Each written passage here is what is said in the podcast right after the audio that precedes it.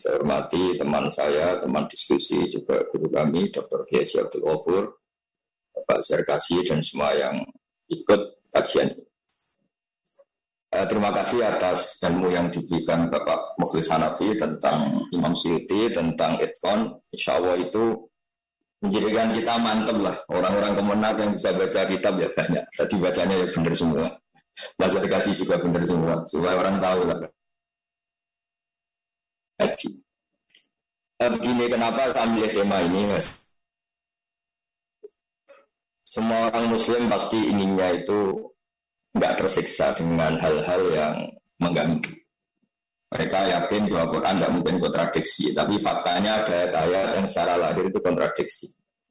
Sehingga kita mau tidak mau harus mengkaji. Kalau dalam bahasa Pak Mulis kita naik kelas lah, jangan takut itu susah atau hal yang berat. Tapi kita harus lalu eh, kita bisa bikin mukotima misalnya begini. Saya di pondoknya Gus Yofur ini di setel termasuk ngajar Balaghatul Quran. Misalnya saya ngaji etkon di antara kekaguman saya pada etkon dulu saya ngaji banget. Kecil, catatan-catatan kecil tentang itu. Uh, Sayyidina Umar itu masuk Islam itu ketika dengar saudarinya atau keluarganya membaca surat Toha. Dia masih kafir. Gara-gara dengar bacaan Quran, surat Toha terus menjadi muslim. Dan banyak juga orang-orang kafir yang menjadi Islam karena dengar Quran. Sementara mereka tidak punya perangkat takwa karena masih kafir. Dan Quran sendiri memaklumatkan hudalil muttaqin, manfaatkan Quran yang ambil manfaatnya hanya mereka yang takwa. Kemudian di ayat lain disebut hudalin nas, Quran itu memberi petunjuk pada manusia, manusia yang takwa maupun yang enggak takwa bisa infial kalau dalam bahasanya apa mutawali syarawi bisa infial, bisa kena pengaruh efek Quran. Lalu solusinya adalah ilmu balaghah. Kalau hudal linnas faktanya orang kafir menjadi Islam karena dengar Quran, berarti ilmu takin artinya itu iktifa. Ala hati qauli ta'ala saro bila kumul harro ewal berga. Eh hudal ilmu takin wa ghairihim. Jadi banyak juga ulama yang mengebabkan ilmu takin di bab iktifa. Buktinya ada orang tidak mutakin, tapi dapat istidak, dapat hidayah dari Quran. Sehingga dimaknai ilmu takin, ewa dianggap mimbabil iktifa. Ada juga cara pandang ulama untuk melihat kontradiksi ini, ilmu takin sama hudal linnas, bagaimana yang dikatakan Imam Sawi. Orang yang iman apa pun faseknya dia itu termasuk mutakin. Dia ittaqo a'lal manhiyat. Dia menghindari sesuatu yang sangat dilarang Allah yaitu syirik. Jadi fal mu'minuna kulluhum atqiya. Semua orang mukmin apa pun faseknya dia adalah orang yang takwa karena dia sudah menjauhi a'lal manhiyat yaitu syirik dan dia melakukan a'lal makmurat yaitu iman. Sehingga dengan apa ya? Dengan definisi seperti ini, porsi seperti ini, kayaknya semua kita ini mutakin. Meskipun ya banyak yang nggak percaya karena mungkin kita yang macam-macam itu, tapi bisa juga asyirka sudah melakukan alal makmurat yaitu iman. Nah, hal-hal seperti ini kan dia harus punya nyali untuk mengungkapkan gimana ini ada hudalin nas yang satu hudalin mutakin.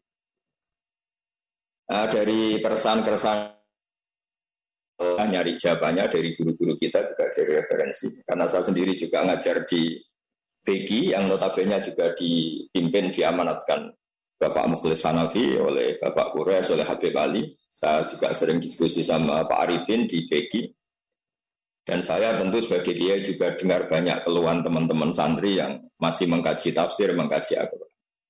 Jadi saya mohon kajian-kajian balaghah ini diutamakan bagaimanapun Quran ini bilisanin Arabim Misalnya juga lagi misalnya kunu kirodatan khosiin. Kalau misalnya secara faktual itu tidak ada orang yang pernah jadi kerang, ya sudah lafat itu dianggap kayak tasbih balik dengan membuang wajah tasbih dan adat tasbih. Orang kalau terlalu jelek mungkin tidak lagi dibahasakan kal kirodah tapi kirodatan. Orang yang tidak terlalu ganteng mungkin masih dibahasakan kalau komar kalau ganteng sekali disebut zaitun komarun atau zaitun samsun. Itu sudah ada bahasa Arab. E, kalau tasbih itu balik itu ada tasbih dan wajah tasbih dibuang. Berarti bisa saja kalau secara fakta tidak pernah ada periode orang yang dikutuk jadi kera berarti kuno kirodatan khasiin. Recording in progress. Dari segi perilaku atau mentalnya mental kirodatan khosiin dan wajah tasbih dibuang ada tasbih dibuang karena untuk e, meningkatkan kualitas balaghah atau balik demikian seterusnya sehingga kita tidak akan menemukan kontradiksi dalam Al-Quran. Di sini karena pakai kitab ya saya termasuk pengagum kitab Itkon dan memang saya milih Itkon karena ya di semua pondok diajarkan. Dan milih khususnya bab ini memang yang benar-benar harus ada yang memulai mengkaji. Di sini diceritakan ada seseorang datang, ini karena tadi dikatakan Pak Muklis acara ngaji, ada orang datang ke Ibnu Abbas. Orang itu bilang, roa itu asya talifu alayya minal Quran. Saya melihat sesuatu banyak, hal banyak yang ternyata itu berbeda-beda. Fakola Ibnu Abbas mahuwa terus. Asyakun kol laisa bisyakin walakinau ikhtilafun. Terus hati makhtalafa alika min dalik. Nah, kemudian orang itu ditanya, apa kamu ragu Quran? Tapi saya janggal karena banyak yang ta'arud atau tadurub tadi dalam bahasa Pak Mukhlis tadi. Terus kala asma wa yakul semalam takun fitnatu mila angkol wa wa rabbina ma kunna musyrikin.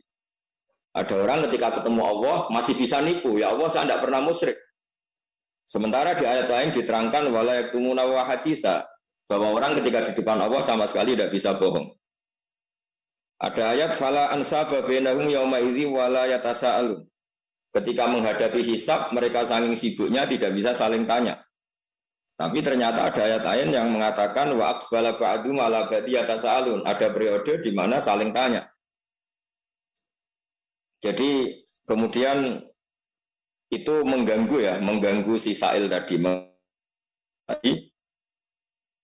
Bagaimana itu? Terus jawab, Tadi seperti yang dikatakan Pak Mukhlis, ada periode di mana samping sibuknya mereka tidak saling tanya, tapi ada periode mereka saling tanya. Ada periode yang di mana eh, nasab itu tidak ada pengaruh sama sekali, tapi ada momentum, ada hal-hal tertentu yang nasab. Itu dengan dijawab seperti solusi Pak Mukhlis tadi, dia tidak makan nasi di waktu ini, mungkin makan di waktu yang lain. Itu di sini disebut finnaf khotil ula itu orang masih bisa bohong, finaf saniyah tidak bisa. Jadi dijawab pakai waktu. Lalu saya sebagai kiai yang nekuni di pesantren juga selalu nunggui santri. Memang paling enak menjawab menjawab ikhtilaf seperti itu, itu memang ilmu balaghah. Satu rasa kita sebagai manusia itu kan sama ya, di Arab maupun di Indonesia semuanya sama. Saya kalau nyontohkan di santri-santri itu ini contoh lucu tapi yang mudah difahami. Itu kalau orang dilangkai temannya dulu ketika kita di pondok, kalau dilangkai temannya baru kaki atau perut masih sangking mantelnya orang itu paling bilang kayak kera gitu, karena ada punya akhlak. Tapi kalau kita dilangkai kepala kita itu sangking mantel kita bilang dasar kera. Gitu. Jadi tingkat mantel yang serius itu wajah tasbih dan adat tasbih sudah dibuang. Sama, ketika Allah menganggap orang kafir sama sekali nggak mau mendengar kebenaran, dikatakan sumun, bukan lagi kasumi. Bukmun bukan lagi kal bukmi, umyun bukan lagi kal umyi. Karena saking mereka tidak mau mendengar kebenaran, tidak ngomong kebenaran, juga nggak mau uh, apa uh, sumun ya dia nggak pernah ngomong kebenaran, juga nggak pernah mau mendengar, juga tidak pernah mau melihat. Nah, hal-hal seperti ini menjadi kita tidak perlu berdebat. Apakah pernah ada periode orang dijadikan gerak? Nah, kalaupun ada kita ngikuti semua musik, orang yang musihu itu tidak sampai hidup tiga hari. Berarti tidak pernah ada periode eh, kera yang mashu yang hasil tadi yang hasil mashu dari manusia itu hidup karena setelah tiga hari mati. Berarti ya hakikat kirotatan khasin. Kalau fakta itu nggak ada, kita masih punya solusi itu tasbih balik sehingga kata kal kiroda dibuang atau kiroda eh, apa mental mereka atau hati mereka dan sebagainya dan sebagainya. Tapi apa pun itu saya mohon semua pencinta Quran kita mengkaji, kita mengkaji, mau belajar, mau mendengar. Lalu tadi juga di sini Pak Muhis Uni Rasem itu. Saya pernah menulis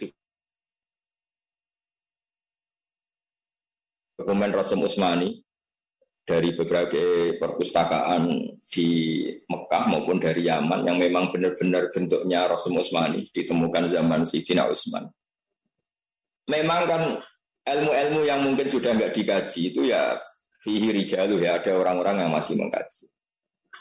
Misalnya orang sekarang mungkin janggal ya. Walam yakul lahu kufuan ahad misalnya ada saja di antara qori sab'ah yang membaca kufan atau kufuan. Karena setelah Imam Khalil bin Ahmad Al-Faruhidi itu menulis Hamzah dengan Rasul Ain, Puan itu ditulis pakai wawu kok dibaca kufan.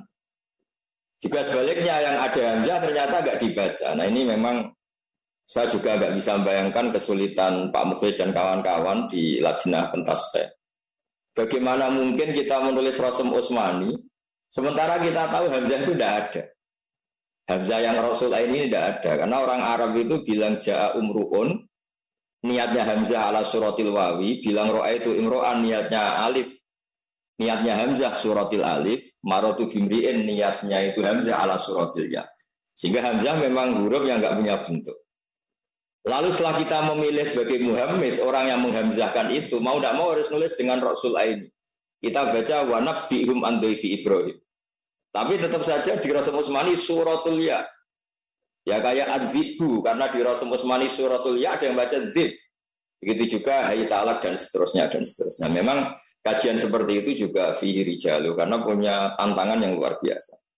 Di Edkon sampai diterangkan masalah hamazat itu, masalah hamzah, Katanya layak fiha mujalladun wafid. Menulis hamazat jumlahnya itu tidak cukup satu jilid. Oke, itu tidak dalam bahasan kita, tapi saya senang itu di dimai supaya suatu saat memang dikaji. Kenapa kita milih? Makanya ketika kemenak mengharuskan Rasul Usmani yang bingung juga kita, kita sebagai orang Indonesia yang dulu pakai Quran cetakan India, Kudus, yang semuanya ada Rasul Usmani katanya. Padahal Rasul Usmani yang sekarang pun mau tidak mau harus nulis ada Hamzah yang Rasul A ini untuk yang mau mau tidak mau kita menghilang jadi lain yang baca Quran mangkel karena nggak punya ruang kan setelah ditulis kufuan biwiri Rasul Ain tanpa ada tulisan Hamzah. Ya kita tidak tahu solusinya gimana, memang nggak ada pilihan dalam hal, -hal seperti itu. Nah, terus kita kembali ke tema ini mau di on akhir. Ini yang mungkin kalau ada ilmuwan ya, ada ilmuwan yang meyakini misalnya penciptaan langit bumi itu tidak enam hari dengan makna per hari 24 jam. Tapi enam hari itu artinya enam tahap besar. Yang perharinya bisa saja senilai seribu tahun atau selama seribu tahun. Ternyata zaman itu Ibnu Abbas juga di antara jawabannya, ini saya baca supaya jadi berkah. Fafi ibn Abbas kal seterusnya Ta'ala rojulun ibn Abbasin angkaulihi ta'ala fi yaumin kana mikdaruhu alfasanatin.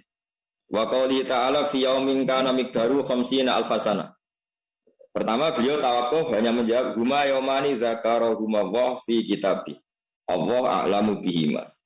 Tapi beliau pernah menjawab juga Anna yaumal alfi huwa mikdaru sayril amri wa urujihi ilaihi wa yaumul alfi fi suratil haji wa ahadul ayyam as-sitta allati khalaqahu fiha as-samawat wa yaumul khamsin alfan wa yaumul qiyamah jadi saya sendiri terus waqal yaumul qiyamah hisabu khamsin alfasana wa samawat fi sittati ayyam kulla yaumin yakunu alfasanatin jadi misalnya kita akademisi yang cerita yang mungkin percaya Big Bang atau percaya teori yang macam-macam Sebetulnya secara lugot, saya tidak tahu apa secara faktual. Kita tidak bisa mengatakan secara faktual yang kita tidak tahu.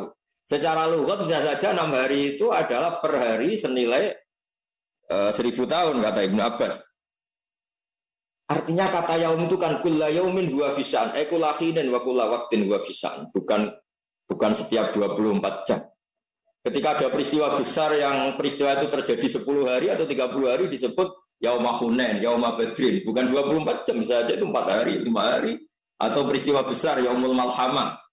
Itu kan bisa sekian hari. Jadi kata Yaumun tidak harus 24 jam. Tapi harus dibiasakan menjawab menurut luhut karena kita tidak ngerti hakikat. Sehingga di antara saran Profesor Sihab itu sering ngendikan jangan pernah meyakini satu teori ilmu atau mendustakannya dengan dalil-dalil Quran takutnya kita yang membenturkan Quran dengan teori ilmiah. Makanya saya lebih suka saya pengajar balawah di pondoknya Agus Sofur, di pondoknya guru saya di Haji Memun. Saya sampai sekarang paling seneng itu luhut. Karena Quran dilisanin Arabi mungkin. Nanti kalau secara faktual yaum itu adalah seribu tahun, berarti menciptakan langit bumi misalnya fikul yaumin senilai alfusanatin, di kitab Itkon masih ada keterangan seperti itu. Dan nanti kalau faktanya yaumun itu benar-benar 24 jam karena Allah kulli syai'in qadir, ya gak masalah memang secara lugat mungkin semua. Jadi ada banyak solusi untuk menyikapi ta'arudul ayat atau ta'arudul ayat dan dan sebagainya. Uh, saya ulang lagi karena ini wilayah-wilayah yang menurut saya paling aman dikatakan secara lugat mungkin demikian. Karena kalau kita ngomong secara faktual atau secara fakta, sama-sama kita tidak tahu dan tidak bisa membuktikan. Saya ulang lagi, di sini jelas Ibn Abbas jawab, Anna rajulan qala lahu hadithni maha ulail ayat. Fiyau mingkana mikdaru khamsina alfasana sama yudab birul amro minas sama ilal ardi semua ya'ruju ilaih fiyau mingkana mikdaru alfasana Terus ada wa inna yawman inda rabbika alfi sana. Qal yaumul qiyamati hisabu khamsina alfasana was samawat fi sitati ayam kula yaumin yakunu alfasanatin dan sebagainya dan sebagainya. Jadi saya mohon tidak tidak saatnya juga tidak mungkin ada saat kita dibolehkan eh, membenturkan satu ayat dengan ayat yang lain. Masyur kan hadis ketika berdebat sahabat ayat ini bolehkan ini kalau ayat ini ngarah ini Nabi keluar, beliau marah, beliau duka, abi hada umirtum, abi hada seterusnya antatribu kita bawa ba'dahu bibatin. Kamu tidak boleh membenturkan satu ayat dengan ayat yang lain. Nah menurut saya selalu saya sering matur Gusofur pentingnya mengajar Quran yang ahli fikih. Misalnya kalau kita bilang, yang penting kita Quran, jangan hadis. Ya tidak bisa seperti itu. Misalnya masa kita mengharamkan hanya jam'u benal ukhten, hanya karena alasan di Quran hanya ada ayat antas mau benal ukhten. Tapi setelah dianalisis benal ustan itu min itlaqil badi wa iradatil kul artinya wa antas mau benal mar'aten sing benaguma makromiyatun tidak boleh mengawini dua orang perempuan yang di antara keduanya ada hubungan mahram. Zaman itu Nabi hanya menambahkan wala benal mar'ati wa amatiha wala benal mar'ati wa kholat. Begitu juga kalau kita pegangan Quran anak tiri yang nggak boleh dikawin itu warobai bukumul lati fi hujurikum. Tapi setelah kita ngaji balaghah kata fi hujurikum lil ghalib. Sehingga asal robibah yang ibunya sudah kita kumpulin ya tidak boleh dikawin dihujurina atau tidak dihujurina, dihujurikum atau tidak dihujurikum. Nah, berkahnya kita ngaji urut. Ya ini barokahnya saya ngaji Mbak Maimun, banyak Gusoku juga ngaji Bapak. Ngaji orang tua saya di komunitas keluarga kami. Memang mukororot itu penting. Ya ini saya narasumber tapi sudah gaya kiai karena mau tidak mau ilmu seperti ini solusinya itu kita harus setengah apal takrib, setengah apal jurusul balago, setengah apal usul fikih, paling tidak lumak lah atau lubul usul. Sehingga nanti ta'arudnya Quran ini menjadi minim karena kita tahu duduk perkaranya ini apa sih? Apa taksis, apa am, apa eh, apa saja lah. Tetap itu otomatis jadi solusi. Jadi nggak usah nggak usah ribet gitu karena ya tadi tetap ada panduan. Jadi ini lafaz ini disebut lil apa untuk linafi wirihi. Kalau linafi wirihi ada mafhum mukhalafah tapi kalau hanya sekedar lil gharib, lil gharib ya sudah waroba itu kumelati fi hujurikum. Ah, ya meskipun nggak fi hujurikum karena kita tahu kata itu disebut lil. Itu juga wantas mau benal ukhten. Lafaz ini disebut pakai ghalib. Normalnya orang menikah, kalau nikah mbaknya itu kayaknya adiknya masih cantik. Melihat nikah adiknya itu kayaknya mbaknya masih cantik. Tapi kan nggak perlu dilarang jangan nikahi Sri dan mbahnya. Masa kita cinta sama anak 17 tahun juga mbahnya yang 70 tahun. Itu nggak usah dilarang pun kalau orang normal ya nggak kepikiran kan. Jadi nggak perlu apa ngendikan wantas mau benal marati wajah dadiha. Masa masa iya gitu. Jadi kalau benal uktan ya masih agak-agak gimana. Kalau di Jawa kan ada munggai, ada ngeduni mbaknya mati mungkin ada orang tertentu yang matur nuwun itu ada mbak karena bisa ngeduni adiknya gitu. makanya itu disebut wantas mau benal karena normalnya orang hanya tertarik benal bukan benal marati wajadat tapi filosofi pelarangannya tetap semuanya dilarang. Al jamu benal mar'ah wa kholatiha wa ammatiha wa benal mar'ah wa jadatiha dan seterusnya dan seterusnya. Jadi saya mohon eh, semua pecinta Quran seperti yang dikatakan Pak Mukhlis tadi, jangan takut mendiskusikan hal yang susah. Bagaimanapun harus kita lalui sebagai bentuk cinta kita pada Quran supaya tidak ada lagi orang yang anggap Quran itu ada tanakut, ada tadorub, ada dan sebagainya dan sebagainya. Eh, saya kira demikian. Mohon maaf. Assalamualaikum warahmatullahi wabarakatuh. Waalaikumsalam warahmatullahi wabarakatuh. Terima kasih banyak uh, atas pencerahannya dan saya kira tadi banyak hal yang bisa kita ambil manfaat bahwa uh, yang saya tadi uh, garis bawahi adalah jangan cepat-cepat mengambil kesimpulan bahwa Quran bertentangan. Nah itu pahamin dulu, kalau nggak tahu tanyakan ahlinya. Baik, uh, mengingatkan saja, itu tadi sudah di share link daftar hadir. Mohon uh, bisa diisi dan yang di YouTube juga bisa uh, mengisinya karena insya Allah begitu uh, terisi dan terkirim uh, otomatis akan kami kirimkan e-sertifikat kepada email uh, Bapak Ibu semuanya. Baik, uh, kita langsung saja kepada narasumber kita yang kedua, yaitu uh, Al-Mukarram Kiai Haji Abdul Ghafur Maimun atau Gus Ghafur. Uh, Falyatafaddal. Baik, terima kasih. Assalamualaikum warahmatullahi wabarakatuh. Assalamualaikum.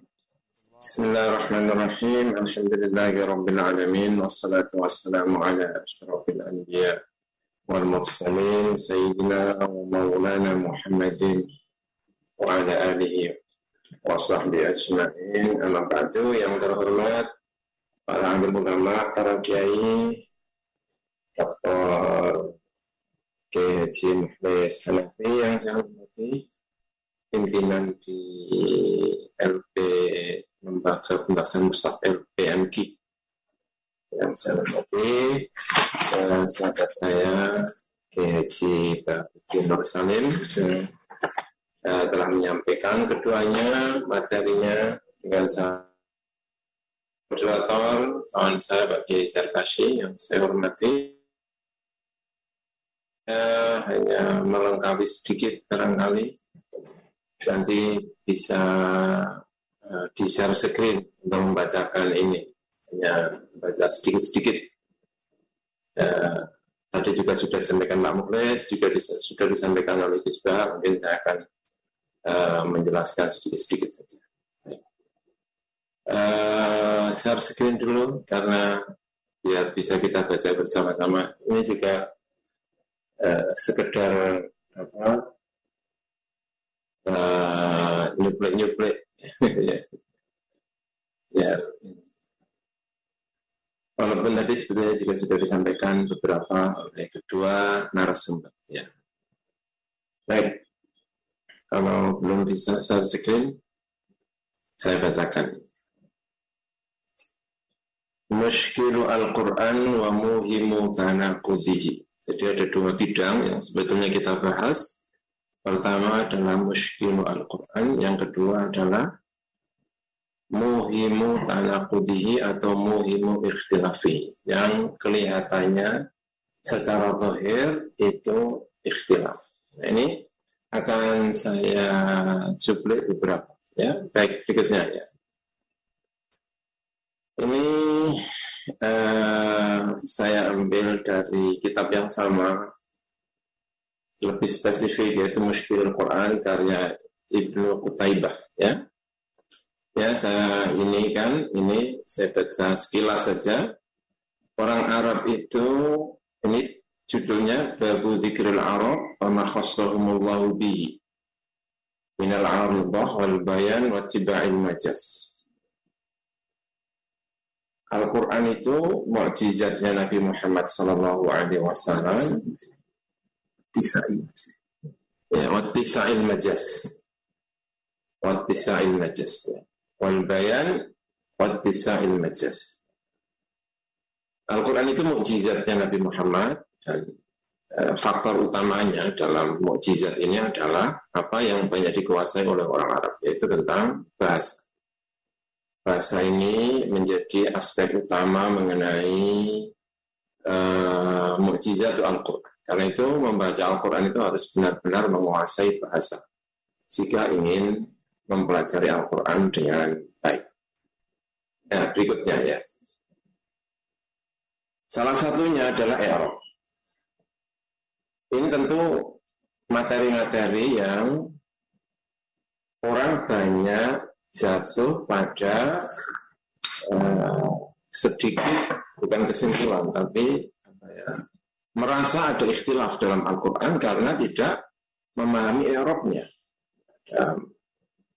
misalnya kayak begini dalam bahasa Arab itu agak aneh ya. Misalnya hada kotilu akhi dengan hada kotilun akhi itu sudah berbeda. Kalau kotilun akhi itu berarti belum, belum membunuh. Tapi kalau kotilu akhi itu berarti sudah membunuh. Nah dalam Al-Quran yang seperti ini jika tidak dipahami apakah isim fa'il itu hubungannya dengan maf'ulnya itu idofa ataukah hubungannya itu masih sebagai isim fa'il maf'ul? Orang jatuh kepada iskal jadi muskilu Al-Quran itu di antaranya dan lahir karena memang tidak memahami Eropnya ini jahilun fil ardi khalifah. Itu berarti belum belum ada karena namanya jailun belum. Kalau jailul khalifati itu bisa artinya adalah sudah. Dan tentu tidak hanya ini. Nah, orang yang tidak paham, namanya diingatkan betul oleh Ibnu Qutaibah. Awas eh, bahasa Arab ini harus kita pahami. Ya, berikutnya. Ya ini. Fala yahzunka qawluhum inna na'lamu ma yusirruna wa ma yu'linun. Bacaan yang benar adalah inna na'lamu ma yusirruna wa ma yu'linun. Karena dia kalau inna itu bisa menjadi taklil. Tapi kalau bacaannya anna itu nanti bisa isinya qawluhum. Dan itu kalau eh, orang yang ngajak disebut Ibnu Qutaibah ada kufrun mimman ta'ammadah hanya karena hanya ada perbedaan kasroh dengan fathah. Bukan perbedaannya itu bukan salah benar, tapi malah bisa kalau sengaja itu bisa kufrun liman ta'amad. Betapa rumitnya. Nah ini para pembaca itu kalau tidak bisa membedakan inna dan anna itu tidak hanya jatuh pada muskilul Quran, tapi bisa-bisa kalau sengaja, wah itu yang bulat Hanya karena wakaf saja, antara dibaca wakaf dengan tidak wakaf, itu dibaca, itu juga bisa bermasalah. Jadi eh, muskilul Quran itu sering kali lahir karena orangnya, bukan karena Qurannya. Gitu ini. Siapa ini Ibnu Qutaibah. Arabi orang di hanya karena kesalahan di bidang harokat. Betul-betul diingatkan oleh Ibnu Qutaibah awas. Orang-orang sering bilang ini muskil itu sebetulnya muskil bukan Qur'annya, tapi yang muskil itu orangnya sebetulnya. ya, ya. ya, berikutnya. Ya. Nah, ada harokat-harokat yang agak lucu, tapi itu fatal. Misalnya ya, ini bahasa Arab itu eh, harokat itu bisa fatal. Rojulun lu'natun dengan rojulun lu'anatun. Hanya satu bedanya. Lu'natun sama lu'anatun. Itu bisa berbeda. Kalau lu'natun itu orang yang dilaknati, kalau lu'anatun itu orang yang suka ngelaknati. Nah, itu gimana itu? Antara rojulun lu'natun apa lu'anatun? Karena beda harokat itu artinya dilaknati atau melaknati. Nah itu kalau sekarang sudah enak ada harokatnya. Nah kalau nggak ada harokatnya orang baca terus, oh itu bisa bermasalah. Rojulun subbatun dengan rojulun subabatun. Bisa. Huzatun, huzaatun, suhrotun, suhorotun. Makanya kalau nggak ada itu, wailun likulli humazatin. Itu kalau misalnya terus keliru. Wailun likulli huzatin. Oh itu bisa fatal. Nanti orang ini maksudnya apa ini? Al-Quran kok begini? Itu bukan Qurannya kamu itu yang baca itu yang masalah. Kerobak-kerobak harokat. Nah, jadi muskilul Quran itu bisa terjadi karena ternyata hanya sekedar harokat. Contohnya lagi ya berikutnya. Ini contoh-contoh ini kalau tidak memahami bahasa Arab itu bisa menjadikan orang itu muskil. Muskil itu kalau dalam fikih itu nggak lanang nggak itu. Muskil. Contohnya lagi misalnya ini ya. Uh, syaribun dengan syarubun. Ada syaribun apa? Apa? Syarubun. Uh, hamidatun dengan khomidatun. Itu juga bisa. Jadi kalau orangnya tidak fasih, bacanya itu khomidatun, bacanya kayak hamidatun. Kayak orang Eropa baru masuk Islam itu susah ngomong kok itu mungkin hamidatun semuanya. Itu juga bagi pendengaran seseorang itu bisa menjadi muskilu Al-Quran. Tapi sekali lagi sebetulnya muskilnya karena tidak membaca dengan baik, tidak memahami dengan baik, dan seterusnya. Ya, berikutnya. Nah, kemudian tadi yang sudah disampaikan oleh Gus bahwa Orang sering jatuh kepada iskal itu karena tidak memahami bahasa Arab dengan baik. Arab itu ada majas, ada istiaroh, ada tamsil, ada apa lagi ini? ada takdim, takhir, hadaf, tekror, dan seterusnya itu digunakan semuanya di dalam baik agar orang tidak jatuh kepada muskil Al-Quran atau muhimu tanaqi di Al-Quran itu memahami eh, teori-teori uh, dengan sangat-sangat baik. Jadi ini apa namanya butuh banyak ilmu ini untuk mempelajari agar kita memahami Al-Quran dengan baik. Ya berikutnya. Nah ini ya Al-Quran turun dengan gaya bahasa yang tadi disebutkan itu semuanya. Ya, makanya tadi sudah disampaikan oleh Pak Zarkasi sebagai apa garis besar eh, garis bawah gitu ya bahwa jangan cepat-cepat awas hati-hati Al-Quran itu turun dengan menggunakan berbagai metode eh, pengungkapan jangan sampai salah gitu karena kemudian kalau tidak menjalankan ini semuanya kesalahan itu sebetulnya bukan karena Al-Qur'annya tetapi cara kita membaca Al-Quran karena kurang uh, pas. Ya, berikutnya. Nah, ini yang tadi disampaikan oleh Pak Mukhlis Hanafi. Mungkin bisa saya ulang ya karena saya baca teksnya ya. Syurutu at-tanaqud. Lit-tanaqud samaniyatu syurutin. Yang pertama al-ittihadu fil mawdu. Uh, itu harus sama kalau objeknya itu tidak sama, maka jangan dibilang itu tanakut, itu, karena objeknya tidak sama. Surga itu misalnya ada surga Aden, ada surga ini, dan surga seterusnya. Itu kalau ada perbedaan sifat di dalam surga itu belum tentu itu disebut dengan tanakut karena yang dibicarakan itu berbeda. Yang satu jannah apa, yang satu jannah apa. Jadi beda. Misalnya lagi Imron. Imronnya siapa? E, Ibnata Imrona. Imron itu dalam Al-Quran itu Imron siapa? Ada Imronnya Hana, apa Imron zaman Nabi Musa atau apa gitu ya. Itu orang lalu bilang, Imron ini kok masih hidup? Oh itu atau misalnya misalnya ya.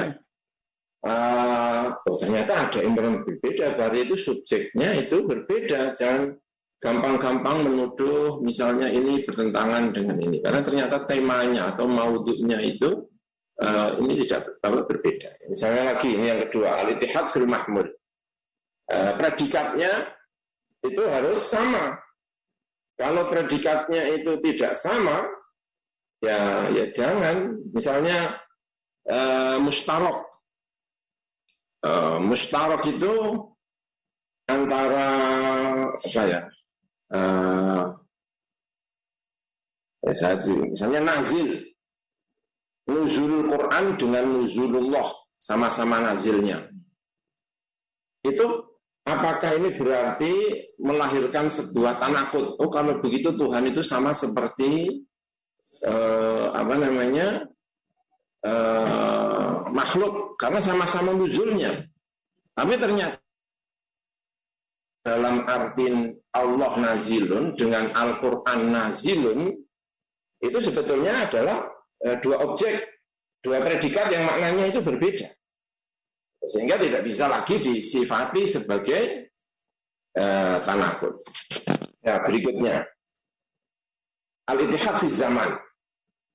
Ya tadi disebutkan oleh beberapa juga disebutkan oleh Gus tentang tentang apa namanya yang berbicara dengan tidak ya, apa uh, itu ya. Uh, la ansaba lahum. Waktunya kapan ketika tidak punya nasab dan waktunya kapan ketika uh, yauma yafirul akhihi wa ummihi ila akhirih lalu ketika kapan ketika mereka saling bercengkrama. Ini ternyata bisa jadi adalah Waktunya yang berbeda sehingga Al-Quran itu tidak bertanakut, tetapi karena memang waktunya berbeda. Nah kemudian al-ittihad fil makan, tempat yang berbeda. Tempatnya tadi seperti disampaikan oleh Ibnu Abbas, karena di dalam kiamat itu juga bisa disebut zaman, tapi juga sekaligus bisa disebut mungkin makan, karena waktu membentang hari kiamat itu adalah tadi disebutkan 50 Khomsina al-fasanah itu tentu membentang berbagai tempat dan mungkin juga membentang berbagai waktu. Ada berbagai kejadian di tempat-tempat itu dan Al-Quran membidik beberapa tempat dan beberapa waktu di antara itu sehingga apa yang dibicarakan di waktu ini tidak terjadi di waktu yang lain. Itu misalnya ya. Berikutnya Pak. Ya, al-ittihad fi. Ya, idhofah. Dalam Al-Quran itu misalnya waman azlamu itu banyak sekali itu. Waman azlamu mimman mana masajid Allah dan itu juga ada di dalam kitab Al-Quran. Waman azlamu mimman mana masajid Allah, waman azlamu man iftara Allah itu sebenarnya lebih zalim itu mana itu. Zalim dalam segi apa? Dalam segi ini. Nah itu namanya al-ittihad fil Orang yang tidak paham, oh itu langsung memutusi gitu aja. Ini kayaknya kontradiksi ini lebih zalim daripada ini. Misalnya Nabi Muhammad ditanya, man afdalun nas, ya, afdalul amal apa ya? Nah, itu mungkin saya hanya berteori, tapi yang bisa memaknai dengan baik ini, baik ini bisa memaknai dengan baik. Kadang kadang Nabi man afdalu al amal jihad, man afdalu apa? Biru walidain, sama as-sholat. Nah, itu apakah itu bertentangan? Ya enggak, karena uh, yang nanya juga bisa-bisa beda gitu. Orang fakir ditanya, afdalu amal apa? Zakat. Ya belenger orang fakir kok zakat. ya mungkin dia itu kalau ditanya apa gitu ya. Sabar. Sabar atau apa gitu. Nah itu itu namanya idofa. Dan Al-Quran itu juga bentangan waktunya 23 tahun, pembicaraannya juga dalam berbagai konteks sebagai ini sehingga idofa. Nah kemudian ada lagi alith fil kuwah wal fi'li Ittihad fil wal fi'li itu uh, Nabi Isa itu sebelum jadi Nabi itu sudah disebut Nabian misalnya. Tapi itu belum Nabi betul, itu namanya Nabiun fil Punya potensi dan akan menjadi seorang Nabi. Tapi dia sebetulnya hari ini belum dalam balaghah kadang disebut itu baru makanan apa baru maya kuno gitu ya gitu, gitu. itu di dalam perkiraannya, dalam nah, itu dalam Al-Quran juga kayaknya yang seperti ini juga kalau tidak dipahami orang juga akan uh, salah di dalam ini. Nah, kemudian itihad fil juz'i wal kulli. Kamu sudah makan? Belum, belum semuanya. sudah, sudah sebagiannya. Jadi kadang belum, kadang uh, sudah karena ini. Apakah kaum itu datang? Ya, kaum itu datang karena sebagiannya tidak ada yang mana oh tidak datang oh tidak datang. Al-Quran juga saya kira ada yang seperti ini. Walaupun kalau disuruh nyari contohnya yang cepat ini pokoknya nanti kalau ada yang nanya saya harus ini yang tahu contohnya. Karena beliau ini baik eh, penguasanya teori-teorinya kemudian al-ittihadu fi ya syarat. Karena oh ternyata ini syarat-syarat uh, tertentu ya dan kalau tidak syarat tertentu maka tidak jadi Ini, nah ini juga ada tentu saja. Saya kira di dalam uh, Al-Quran Karim seperti tadi disampaikan oleh uh, Pak Mulai soal uh, syarat delapan. Nah, jika delapan ini tidak terpenuhi, apalagi kalau syarat utamanya yang satu nafi, yang satu isbat itu tidak ada, itu malah malah sudah namanya sudah tidak lagi tanakut, syarat isbat nafi saja, isbat sama nafinya tidak ada. Seperti orang tidak memahami kiroah. Ini yang Quran yang mana ini? Orangnya itu, kami itu mengatakan kalau yang ini Quran berarti ini tidak Quran. Itu karena dia nggak tahu kiroah.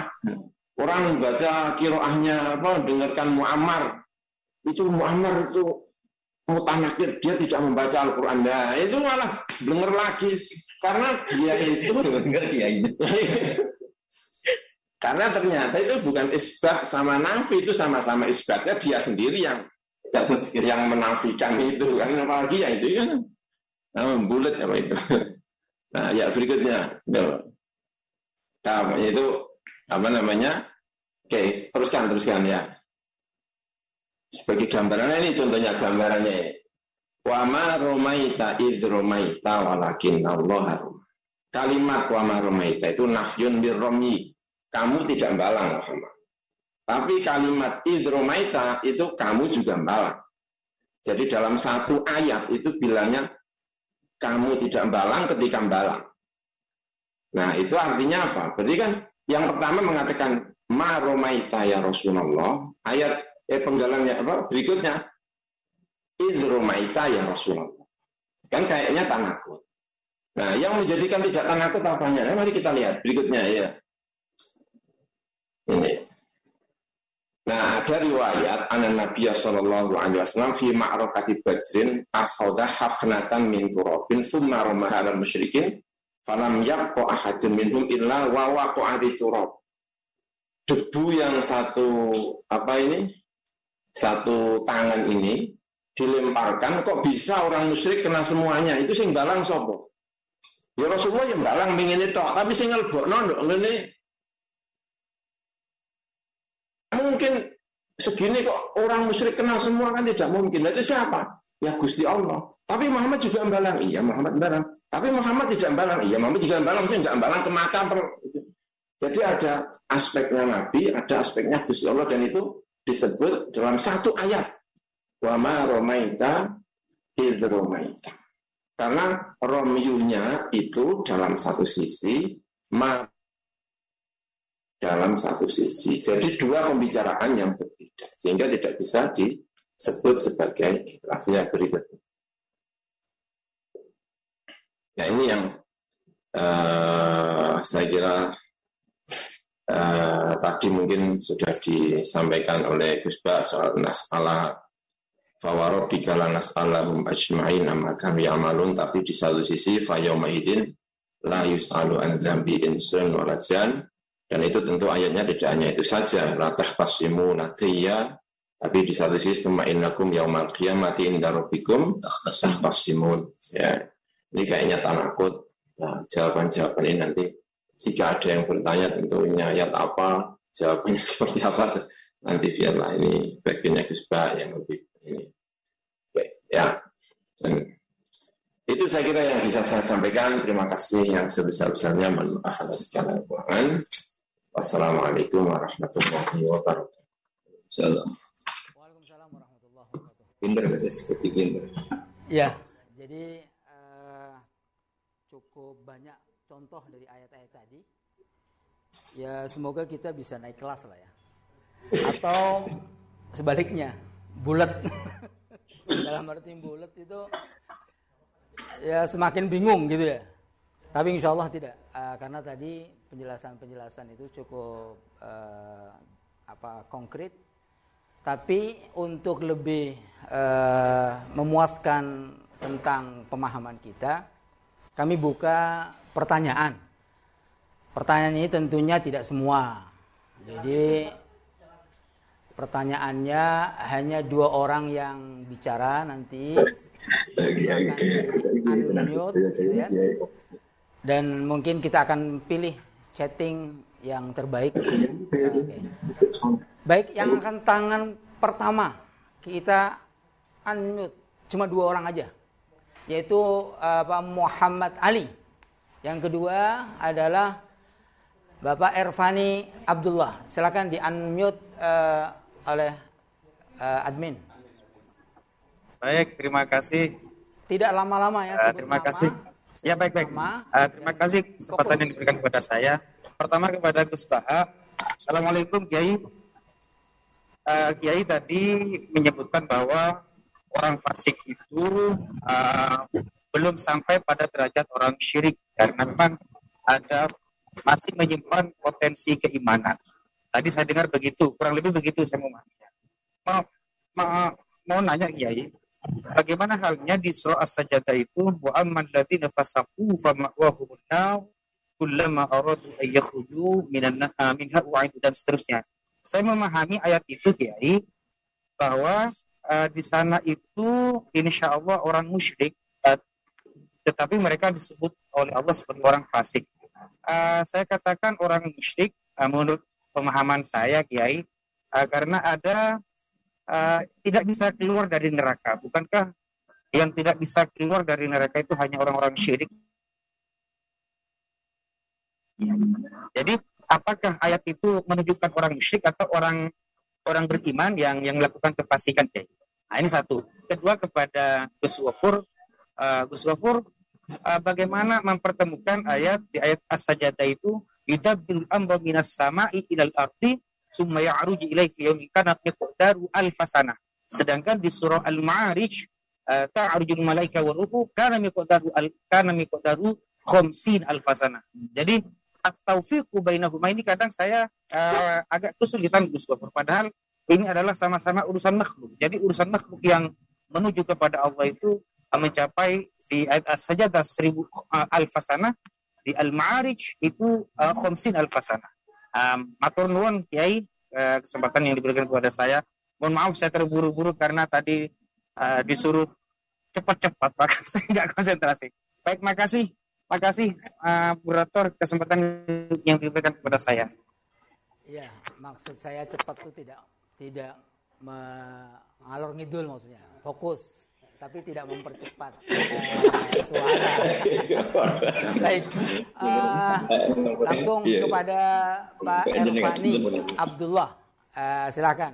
Nama, setelah itu uh, fokus. Jadi di nama kami adalah sesuatu yang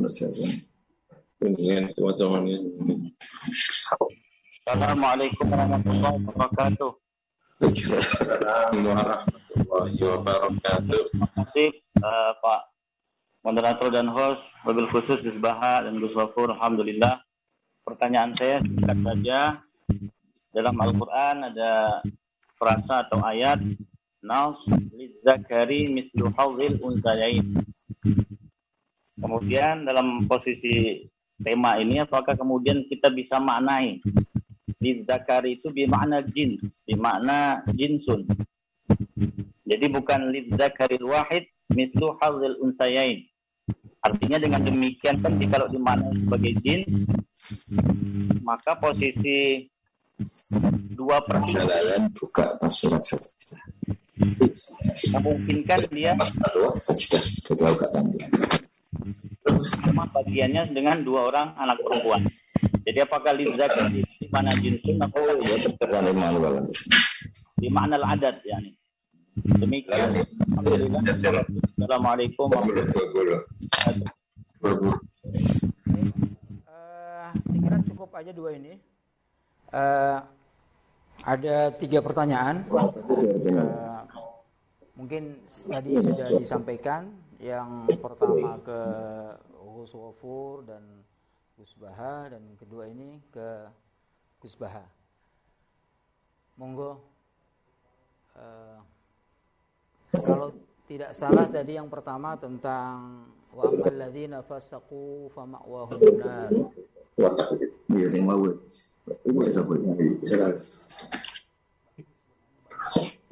Bismillahirrahmanirrahim.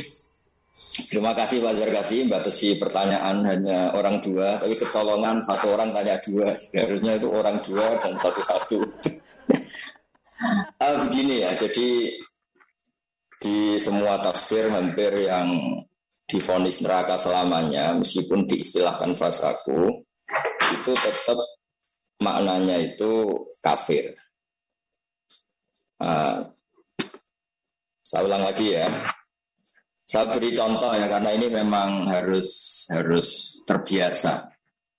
Misalnya orang yang datang dengan kebaikan sama Allah disebut misalnya punya pahala 10. Disebut hasanah. Terus wa man jaa bisayiati fakubat ujum fitnah. Sayi'ah itu makna dasarnya itu jelek, tapi kalau punya akibat sampai di neraka selamanya, berarti sayi'ah di sini bermakna kufri, bermakna kafir.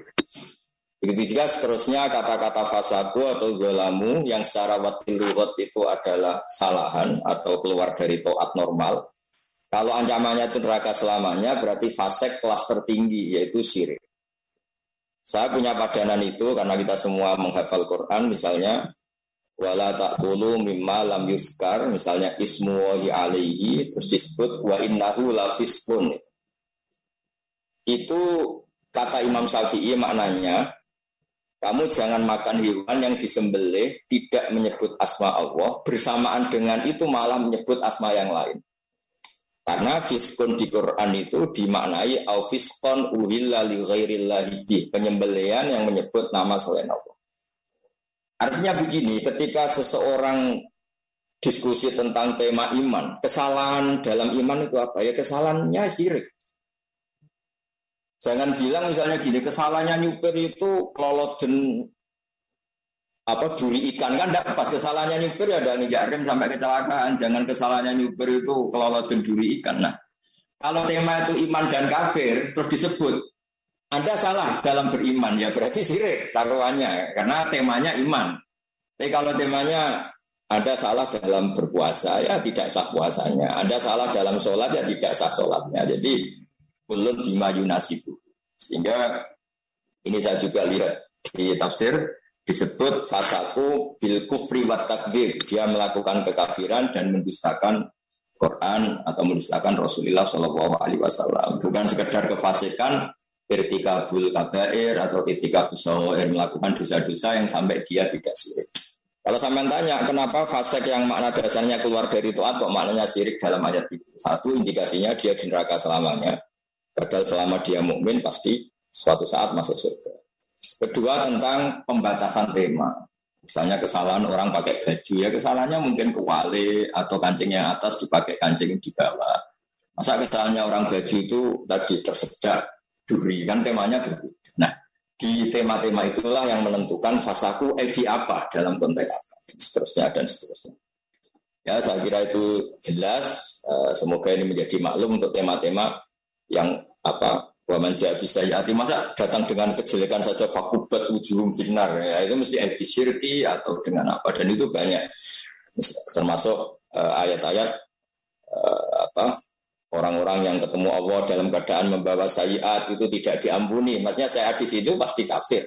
Kenapa diartikan kafir? Karena ada kaidah inna wuha la yaghfiru ayyushraka wa yaghfiru ma duna yasa jadi makanya saya tadi muji guru-guru kami sistem pendidikan di pesantren-pesantren Indonesia mukarrarat materi pelajaran itu banyak. Sehingga barokahnya materi ini menjadi kaidah untuk menentukan lafaz umum ini maknanya apa konteksnya apa.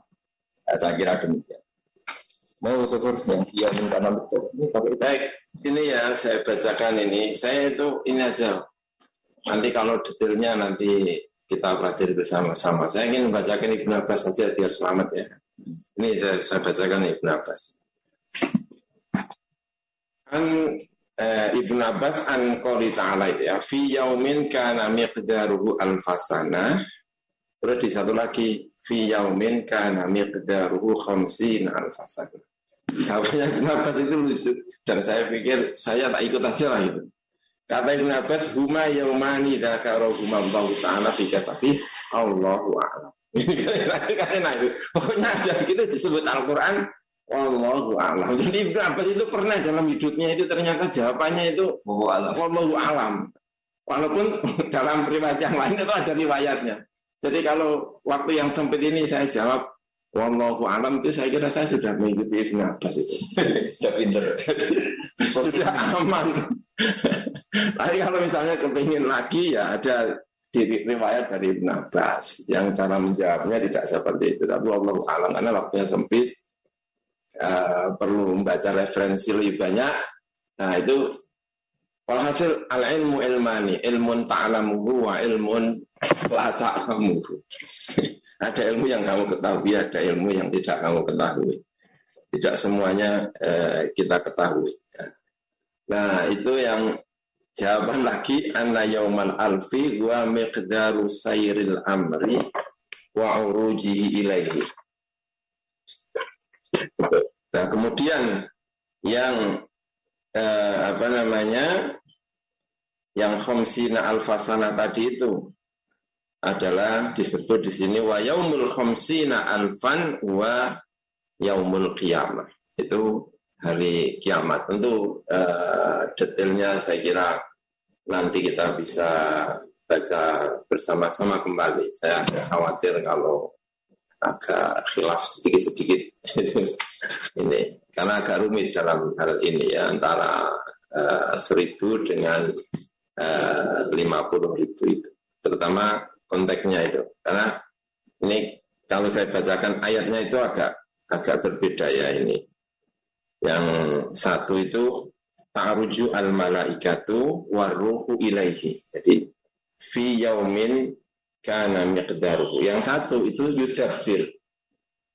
Yang satu itu soal ta'rujul malaika, yang satu itu yudabbirul amra minas samai ilal ardi thumma ya'ruju ilaihi fi yaumin kana miqdaruhu alfa sanatin mimma itu saya kira ya eh, terima kasih sekali untuk yang tadi ditakari misal hadil unsayain Ya setahu saya kalau itu dimaknai jenis itu ya bisa. Karena jenisnya itu tidak hanya soal anak, tetapi jenisnya itu kan ini jenis mengenai asobah. Asobah itu kalau ada laki-laki dengan perempuan, asobah itu kali mislu hadir saya ini. Akun dengan uhtun.